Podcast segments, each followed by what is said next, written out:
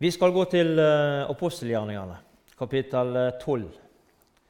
Og I dag så skal vi lese fra vers 1. Apostelgjerningene kapittel 12 og fra vers 1. På den tid lot kong Herodes noen av menighetene gripe og for hardt fram mot dem. Jakob, bror av Johannes, ble henrettet med sverd. Da Herodes merket at jødene likte dette, gikk han videre og arresterte også Peter. Det var i de usyrede brød høytid.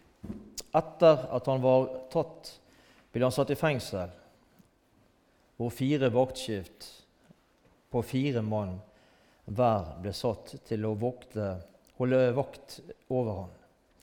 Etter, eh, etter påske ville Herodes så føre han fram for folket. Peter ble da sittende i fengselet, og imens ba menigheten inderlig til Gud for han. Natten før Herodes skulle føre han fram, lå Peter og sov mellom to soldater. Han var bundet med to lenker, og, og fengselet ble bevoktet av vaktposter som sto utenfor døren. Ved ett sto en Herrens engel der, og et lys strålte i rommet. Han vekket Peter med et puff i siden og sa, 'Skynd deg, stå opp.' Da falt lenkene av hendene hans, og engelen sa til ham, Ta på deg beltet og sandalene dine. Da han hadde gjort det, sa engelen, Kast kappen om deg og følg etter meg. Og han fulgte etter han ut. Han forsto ikke at engelen og det som hendte, var noe virkelig, men trodde det var et syn. De passerte første og annen vakt og kom til jernporten som førte ut til byen. Den åpnet seg av seg selv, og de gikk ut og fortsatte nedover den første gaten. Der forsvant engelen plutselig foran. Herodes, han som vi leser om her, han er, er egentlig Herodes Agrippa den første. Og han var nevø av den Herodes som, som drepte Johannes. Han var sønnesønn av Herodes den store. Og Først og fremst var han politiker og hadde ikke noe spesielt imot de kristne, men han ønsket å innynde seg hos jødene. Jakob som vi leste om her i, i det andre verset, her, så han er bare nevnt to ganger i Det nye testamentet. Og Det er der som vi leste nå, og eh, i apostelgjerne kapittel 1, vers 13. Jakob han var den første av apostlene som led martyrdøden. Og I dette tilfellet her det viser at Gud ikke alltid griper inn for å utfri sine fra forfølgelse og død. Det fortelles av en mann med navn Clemens fra Alexandria, som var fra den menigheten som skal være grunnlagt av Markus han, han, som forteller, han forteller da at Jakob sto der foran jødene, den jødiske domstolen. Han, han ble anklaga, men eh, denne anklageren hans han eh, ble møtt av et, et vitnesbyrd fra Jakob. Og han forteller at eh, denne anklageren omvendte seg til Jesus. Han ble ført ut i lag med Jakob, og på veien så ba han Jakob om tilgivelse. Jakob han eh, grunna en kort tid på dette, fortelles det. Men eh, deretter så ble han, eh, han Jakob han ble taus. Han, han, svarte ikke med en gang. Men eh, til slutt så eh, så, eh, så vendte han seg til denne anklagen og, og tilga han det som han hadde gjort imot, imot Jakob. Det står at han, han forteller det at han, han, snudde seg, og han kysser, kysser Jakob. Etterpå så ble de ført ut, og begge ble halshoggen samtidig. Ikke noe spesielt kjekt å, å, lese om dette, men det viser Gud. At Gud bruker sine støttespillere til det siste. Jakob fikk være et, eh, et Jesu vitne. Et Jesu vitne der han står foran domstolen. Og Ved sitt vitnesbyrd så ble denne som hadde anklaga han, grepet av Jesus og ble frelst. Herodes han fikk god respons ifra jødene. Fordi Altså på grunn av det han gjorde. Han forfulgte de kristne osv. Han fikk god respons for det han gjorde. Derfor så gikk han videre, leser vi, og så, og så tok han Peter. Og Peter var tidligere kommet ut fra fengselet på en mirakuløs måte. Og eh, Når vi leser i teksten, så ser vi at han ble bevokta. Det var ikke få mann som var der for å følge med Peter. Han ville vel, de ville vel bevokte han strengere enn noen gang med å sette flere vaktskifter, faktisk fire mann, til å bevokte han. Han skulle ikke slippe unna denne gangen her. I vers i vers 5 som vi leste, så, så, står det Peter ble da sittende i fengsel, og imens ba menigheten inderlig Gud, til Gud for han. Det var to sterke krefter som var i sving.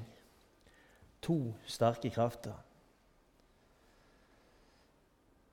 Ondskapen gjorde seg gjeldende ved forfølgelse og trusler mens den kristne menigheten brukte den, det eneste våpenet de hadde i denne forbindelsen, og det var bønn. De kunne ikke stole på at politikerne ville hjelpe dem. Ingen opinion ville reise seg til fordel for Peter, men de kunne be. De kunne be mot denne brutale verden. Med dens maktmidler sto ei gruppe svake mennesker med et sterkt våpen.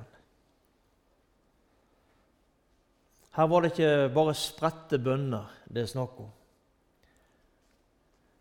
Nei, det sto at de, de ba inderlig.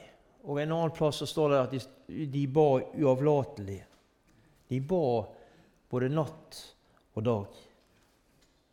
Det var, et, det var et stykke arbeid som skulle gjøres. Og de var samla og ba inderlig for Peter. Det ser ut som at eh, hele menigheten var opptatt med bønn, selv om ikke alle var samla på, på samme stedet. I Marias hus så var det mange samla, leser vi videre i vers, eh, i vers 12. Men Jakob, bror til Jesus, han var ikke der, og heller ikke de andre brødrene.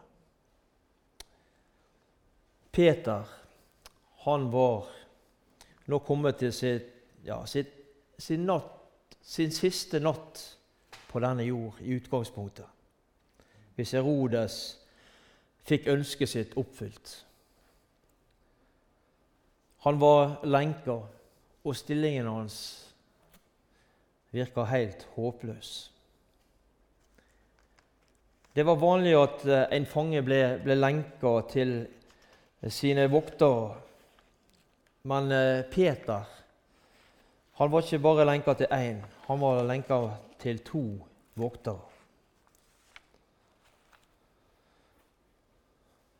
Og de to andre sto mest sannsynlig ved døren og passet på. litt av en håpløs situasjon for Peter.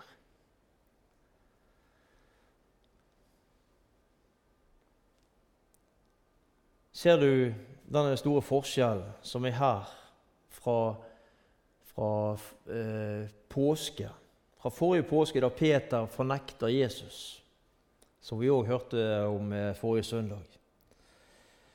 Fornekter Jesus til denne dagen han sov så hardt at engelen måtte dunke han i sida for å få han våken.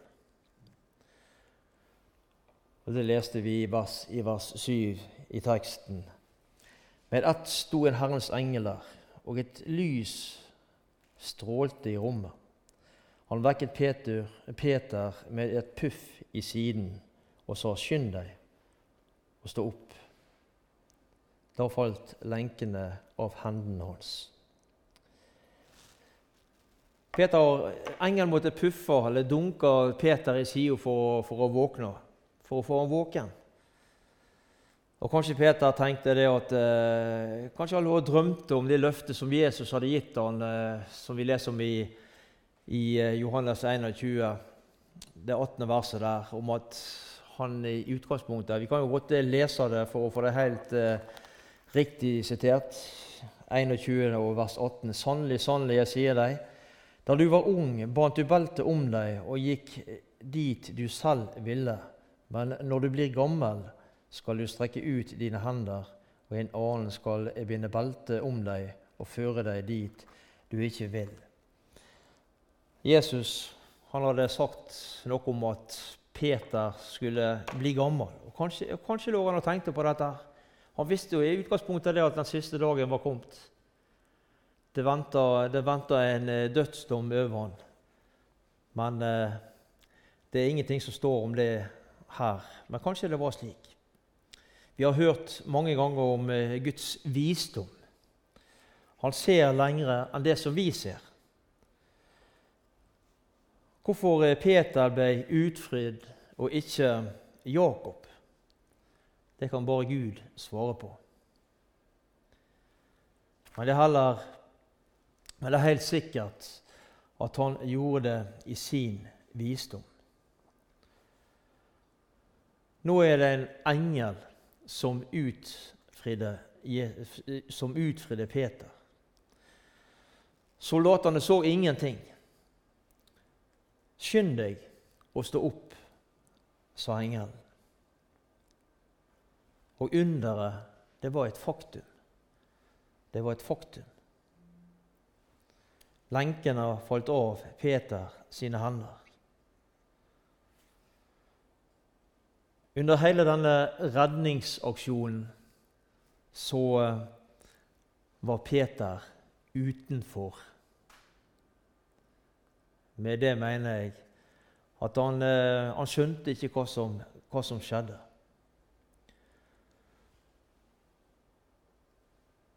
Han hadde ikke lagt noen planer om flukt.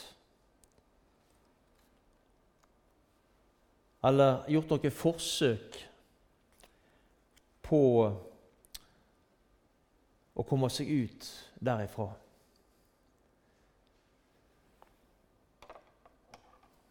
I vers 10 i kapittel 12. De passerte første og annen vakt og kom til jernporten som førte ut til byen.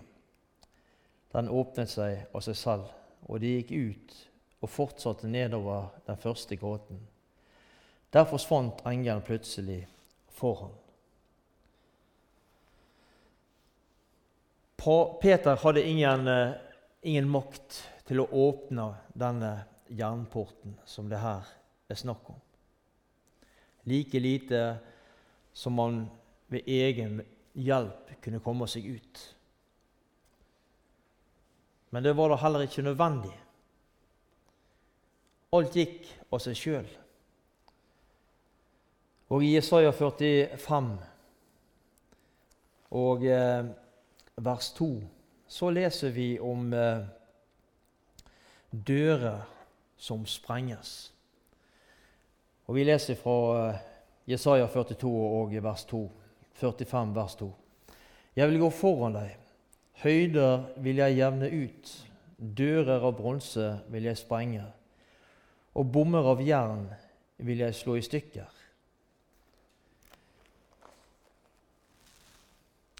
Denne profetien her, den eh, fikk en slags bokstavelig oppfyllelse for Peter. Det var tre porter og tre vakter passerer.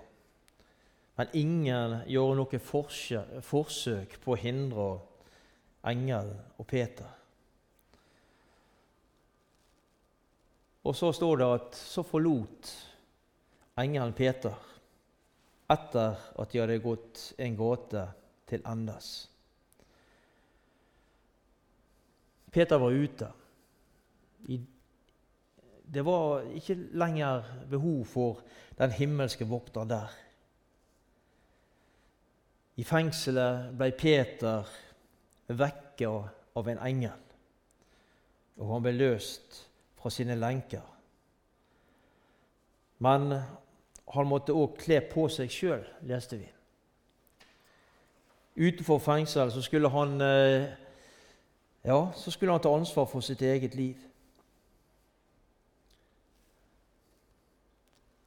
Det var en menighet som var i bønn for Peter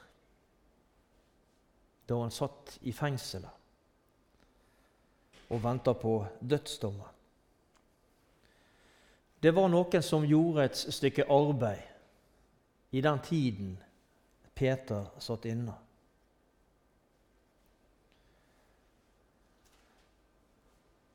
De ba uavlatelig. Det var en som trengte hjelp. Det var en som trengte forbund. En som var i nød. De var svake, menneskelig satt, men hadde sterk, det sterkeste våpenet, som er bønnen. Og en sang den lyder slik Gud hører bønner i dag som før. Bønnen er nøkkelen til nådens dør. Bønnen kan smelte selv is og sne. Glem derfor aldri å be. Dypere inn i bønnen, fylle den må ditt sinn. Skal du fremgang få, må det i bønn du gå dypere, dypere inn. Alt hva du ber om, vil Herren gi. Bundne han setter av, av lenker fri. Himmelens sluser deg kraft vil gi, om du til bønnen tar tid. Be for de ufrelste, be ja be, selv om du aldri får frukta se. Tenk om du hjemme i himmelens kor ser dem i skaren så stor. Markene hvite mot eh, høsten står, ennå så mange i verden går. Timene iler så fort av sted, glem derfor aldri å be. Dypere inn i bønnen, fylle den må ditt sinn. Skal du fremgang få, må i bønn du gå, dypere, dypere inn. Det er det viktigste arbeidet som vi gjør. Det finnes ingenting som, er viktigere enn det å være i bønn. Vi har lyst å gjøre noe for Jesus.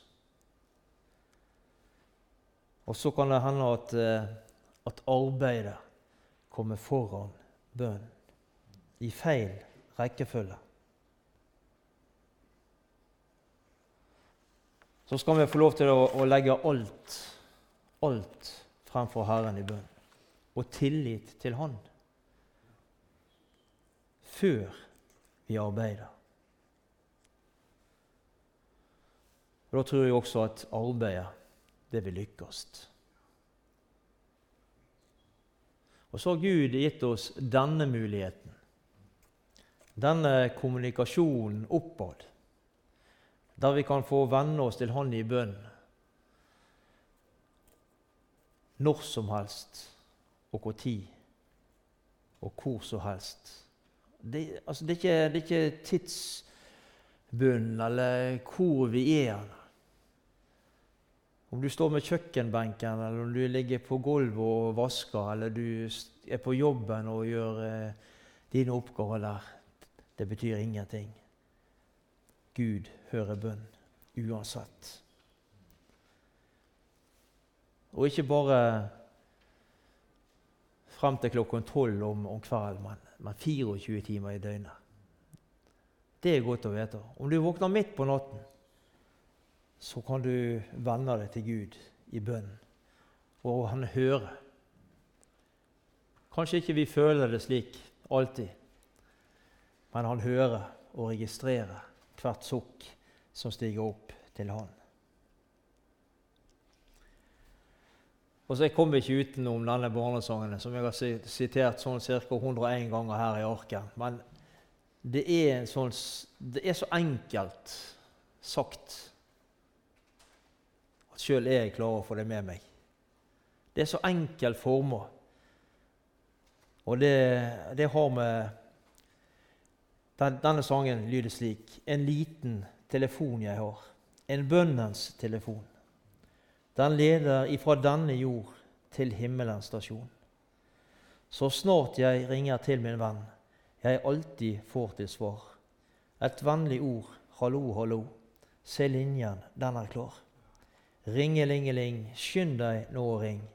Ring på bønnens telefon til himmelens stasjon. Ingen opptatt signal. Alltid et, et vennlig ord. Og så kan vi be for og med hverandre. Og så ønsker vi her i arken at vi skal kunne be for og med hverandre. Om det er noe som har det vanskelig,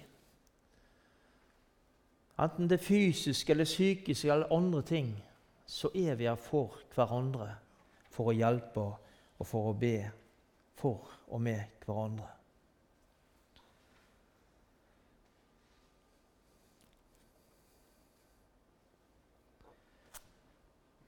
Så jeg leser i vers 11 og 12 her i kapittel 12, som vi leste i apostelgjerningene.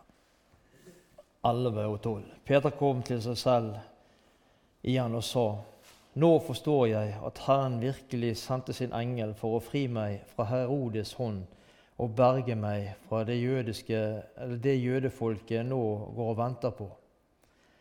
Da dette var blitt klart for Peter, gikk han til huset hvor Maria bodde mor til Johannes med tilnavnet Markus. Mange var kommet sammen der for å be. Først nå gikk det opp for Peter hva det var som var skjedd. I samme øyeblikket som engelen hadde forlatt han, så kom han til seg selv, leste vi. Engelen han måtte forsvinne først, før Peter ble helt sikker på hva som var skjedd. At det ikke bare var et syn han hadde hatt, men nå forsto han, når han sto der på gata Han som var, hadde vært dødsdømt, han var, han var nå eh, fridd ut av dette og eh, var en fri mann. Vi hører ikke stort mer om Peter videre i, i apostelgjerningene. Han var til stede under apostelmøtet i Jerusalem.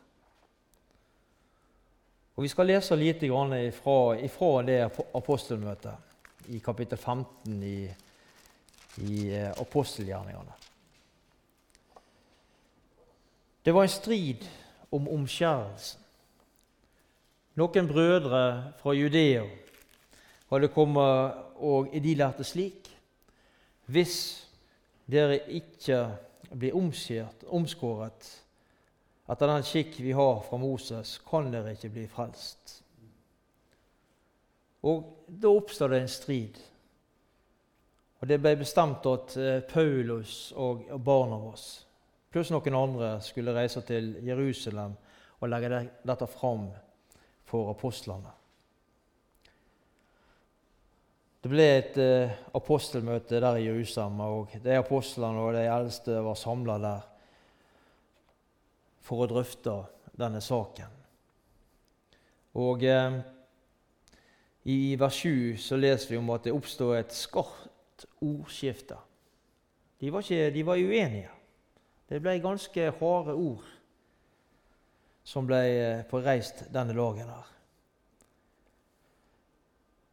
Da reiste Peter seg og sa, og vi skal lese fra vers 7 i kapittel 15 i apostelgjerningene.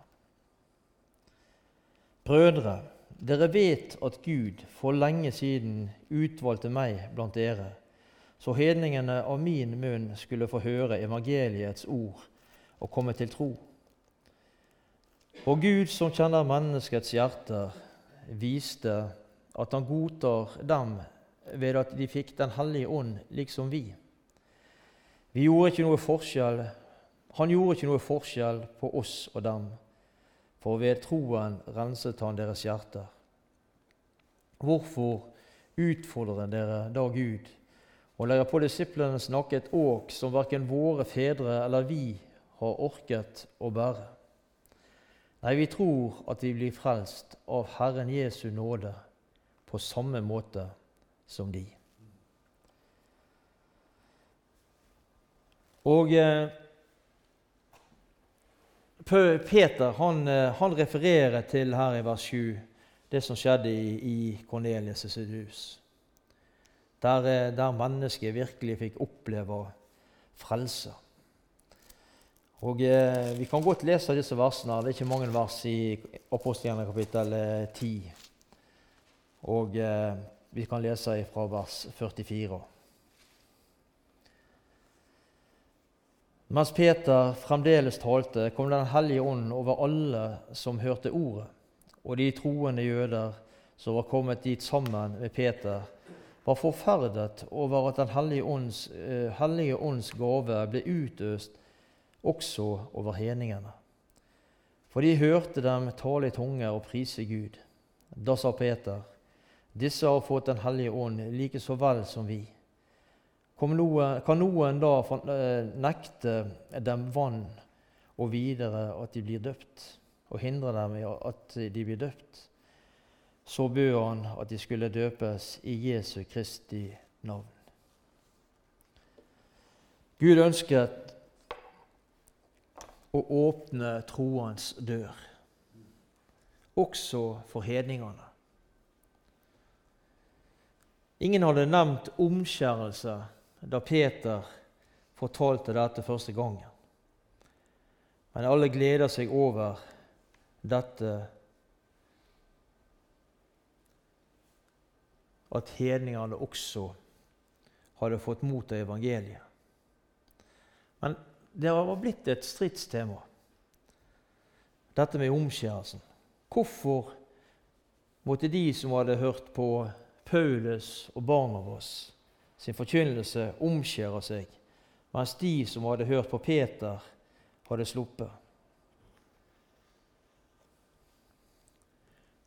Da ånden ble utgitt over Kornelius sitt hus, var dette et uttrykk for at Gud hadde godtatt det. Det var ingen eh, det var ikke noe eh, diskusjon lenger. Gud hadde godtatt dette. Det var et vitnesbyrd om at eh, de tilhørte Gud sjøl, om de ikke hadde fått lovens pakttegn, som var omskjærelsen. I vers, I vers 9 her i kapittel 15. Han gjorde ikke noe forskjell på oss og dem. For ved troen renset han deres hjerter. Denne hjerterenselsen skjedde verken ved omskjærelsen eller gjerninger av noe slag. Det skjedde ved tru, og den alene. Idet disse hedningene trodde på Jesus, kom Den hellige ånd over dem, og deres hjerter ble renset. Vers 11. Men vi tror at vi blir frelst ved Herren Jesu nåde på samme måte som de. Og det kan vi godt eh, rope et lite halleluja for. Vi tror at de blir frelst ved Herren Jesu nåde på samme måte som de. Både jøder og hedninger har den samme frelsesgrunn. Begge må stole på Jesu nåde alene til frelse. Det er ikke noe, noe annen vei til frelse for noen.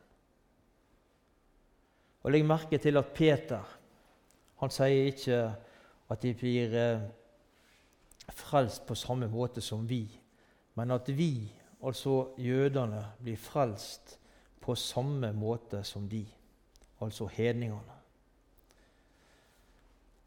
For av nåde er dere frelst ved tro. Og dette er ikke av dere sjøl. Det er en Guds gave, som det står om i Efeserbrevet kapittel 2. Det er en Guds gave. Det er ingenting som vi trenger å stresse med eller gjøre oss fortjent til. Vi har fått det fra Gud. Han gjorde ikke forskjell på oss og dem. For ved troen renset han deres hjerter. Vi tror at vi blir frelst ved Herren Jesu nåde på samme måte som de.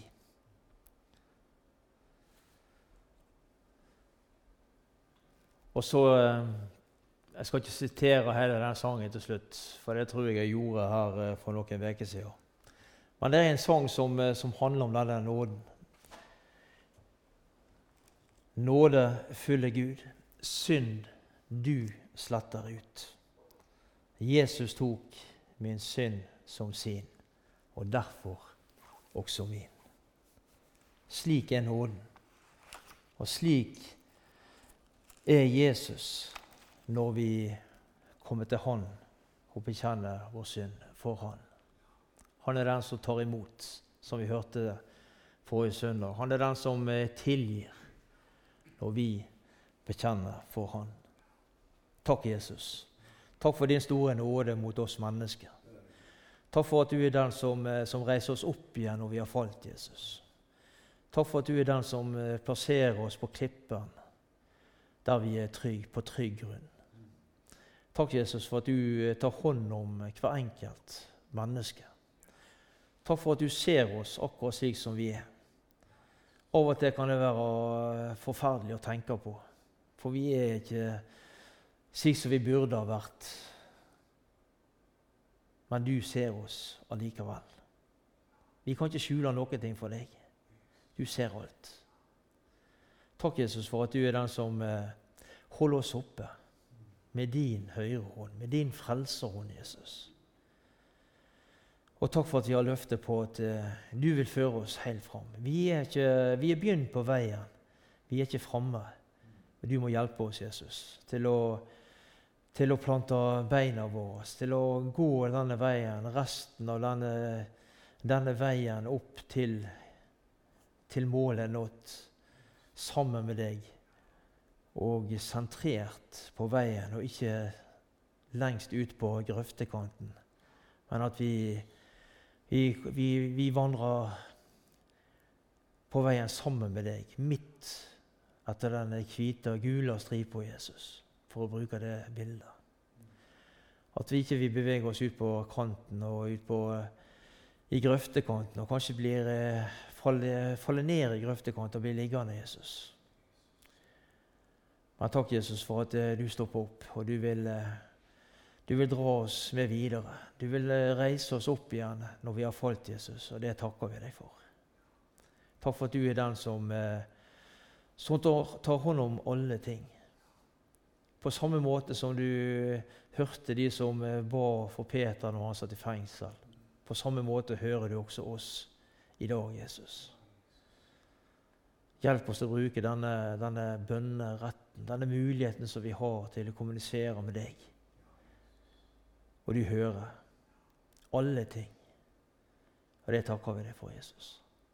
Selv om ikke vi føler det slik, så hører du, og så agerer du ut ifra det. Velsign oss, Jesus, i ditt hellige navn. Amen.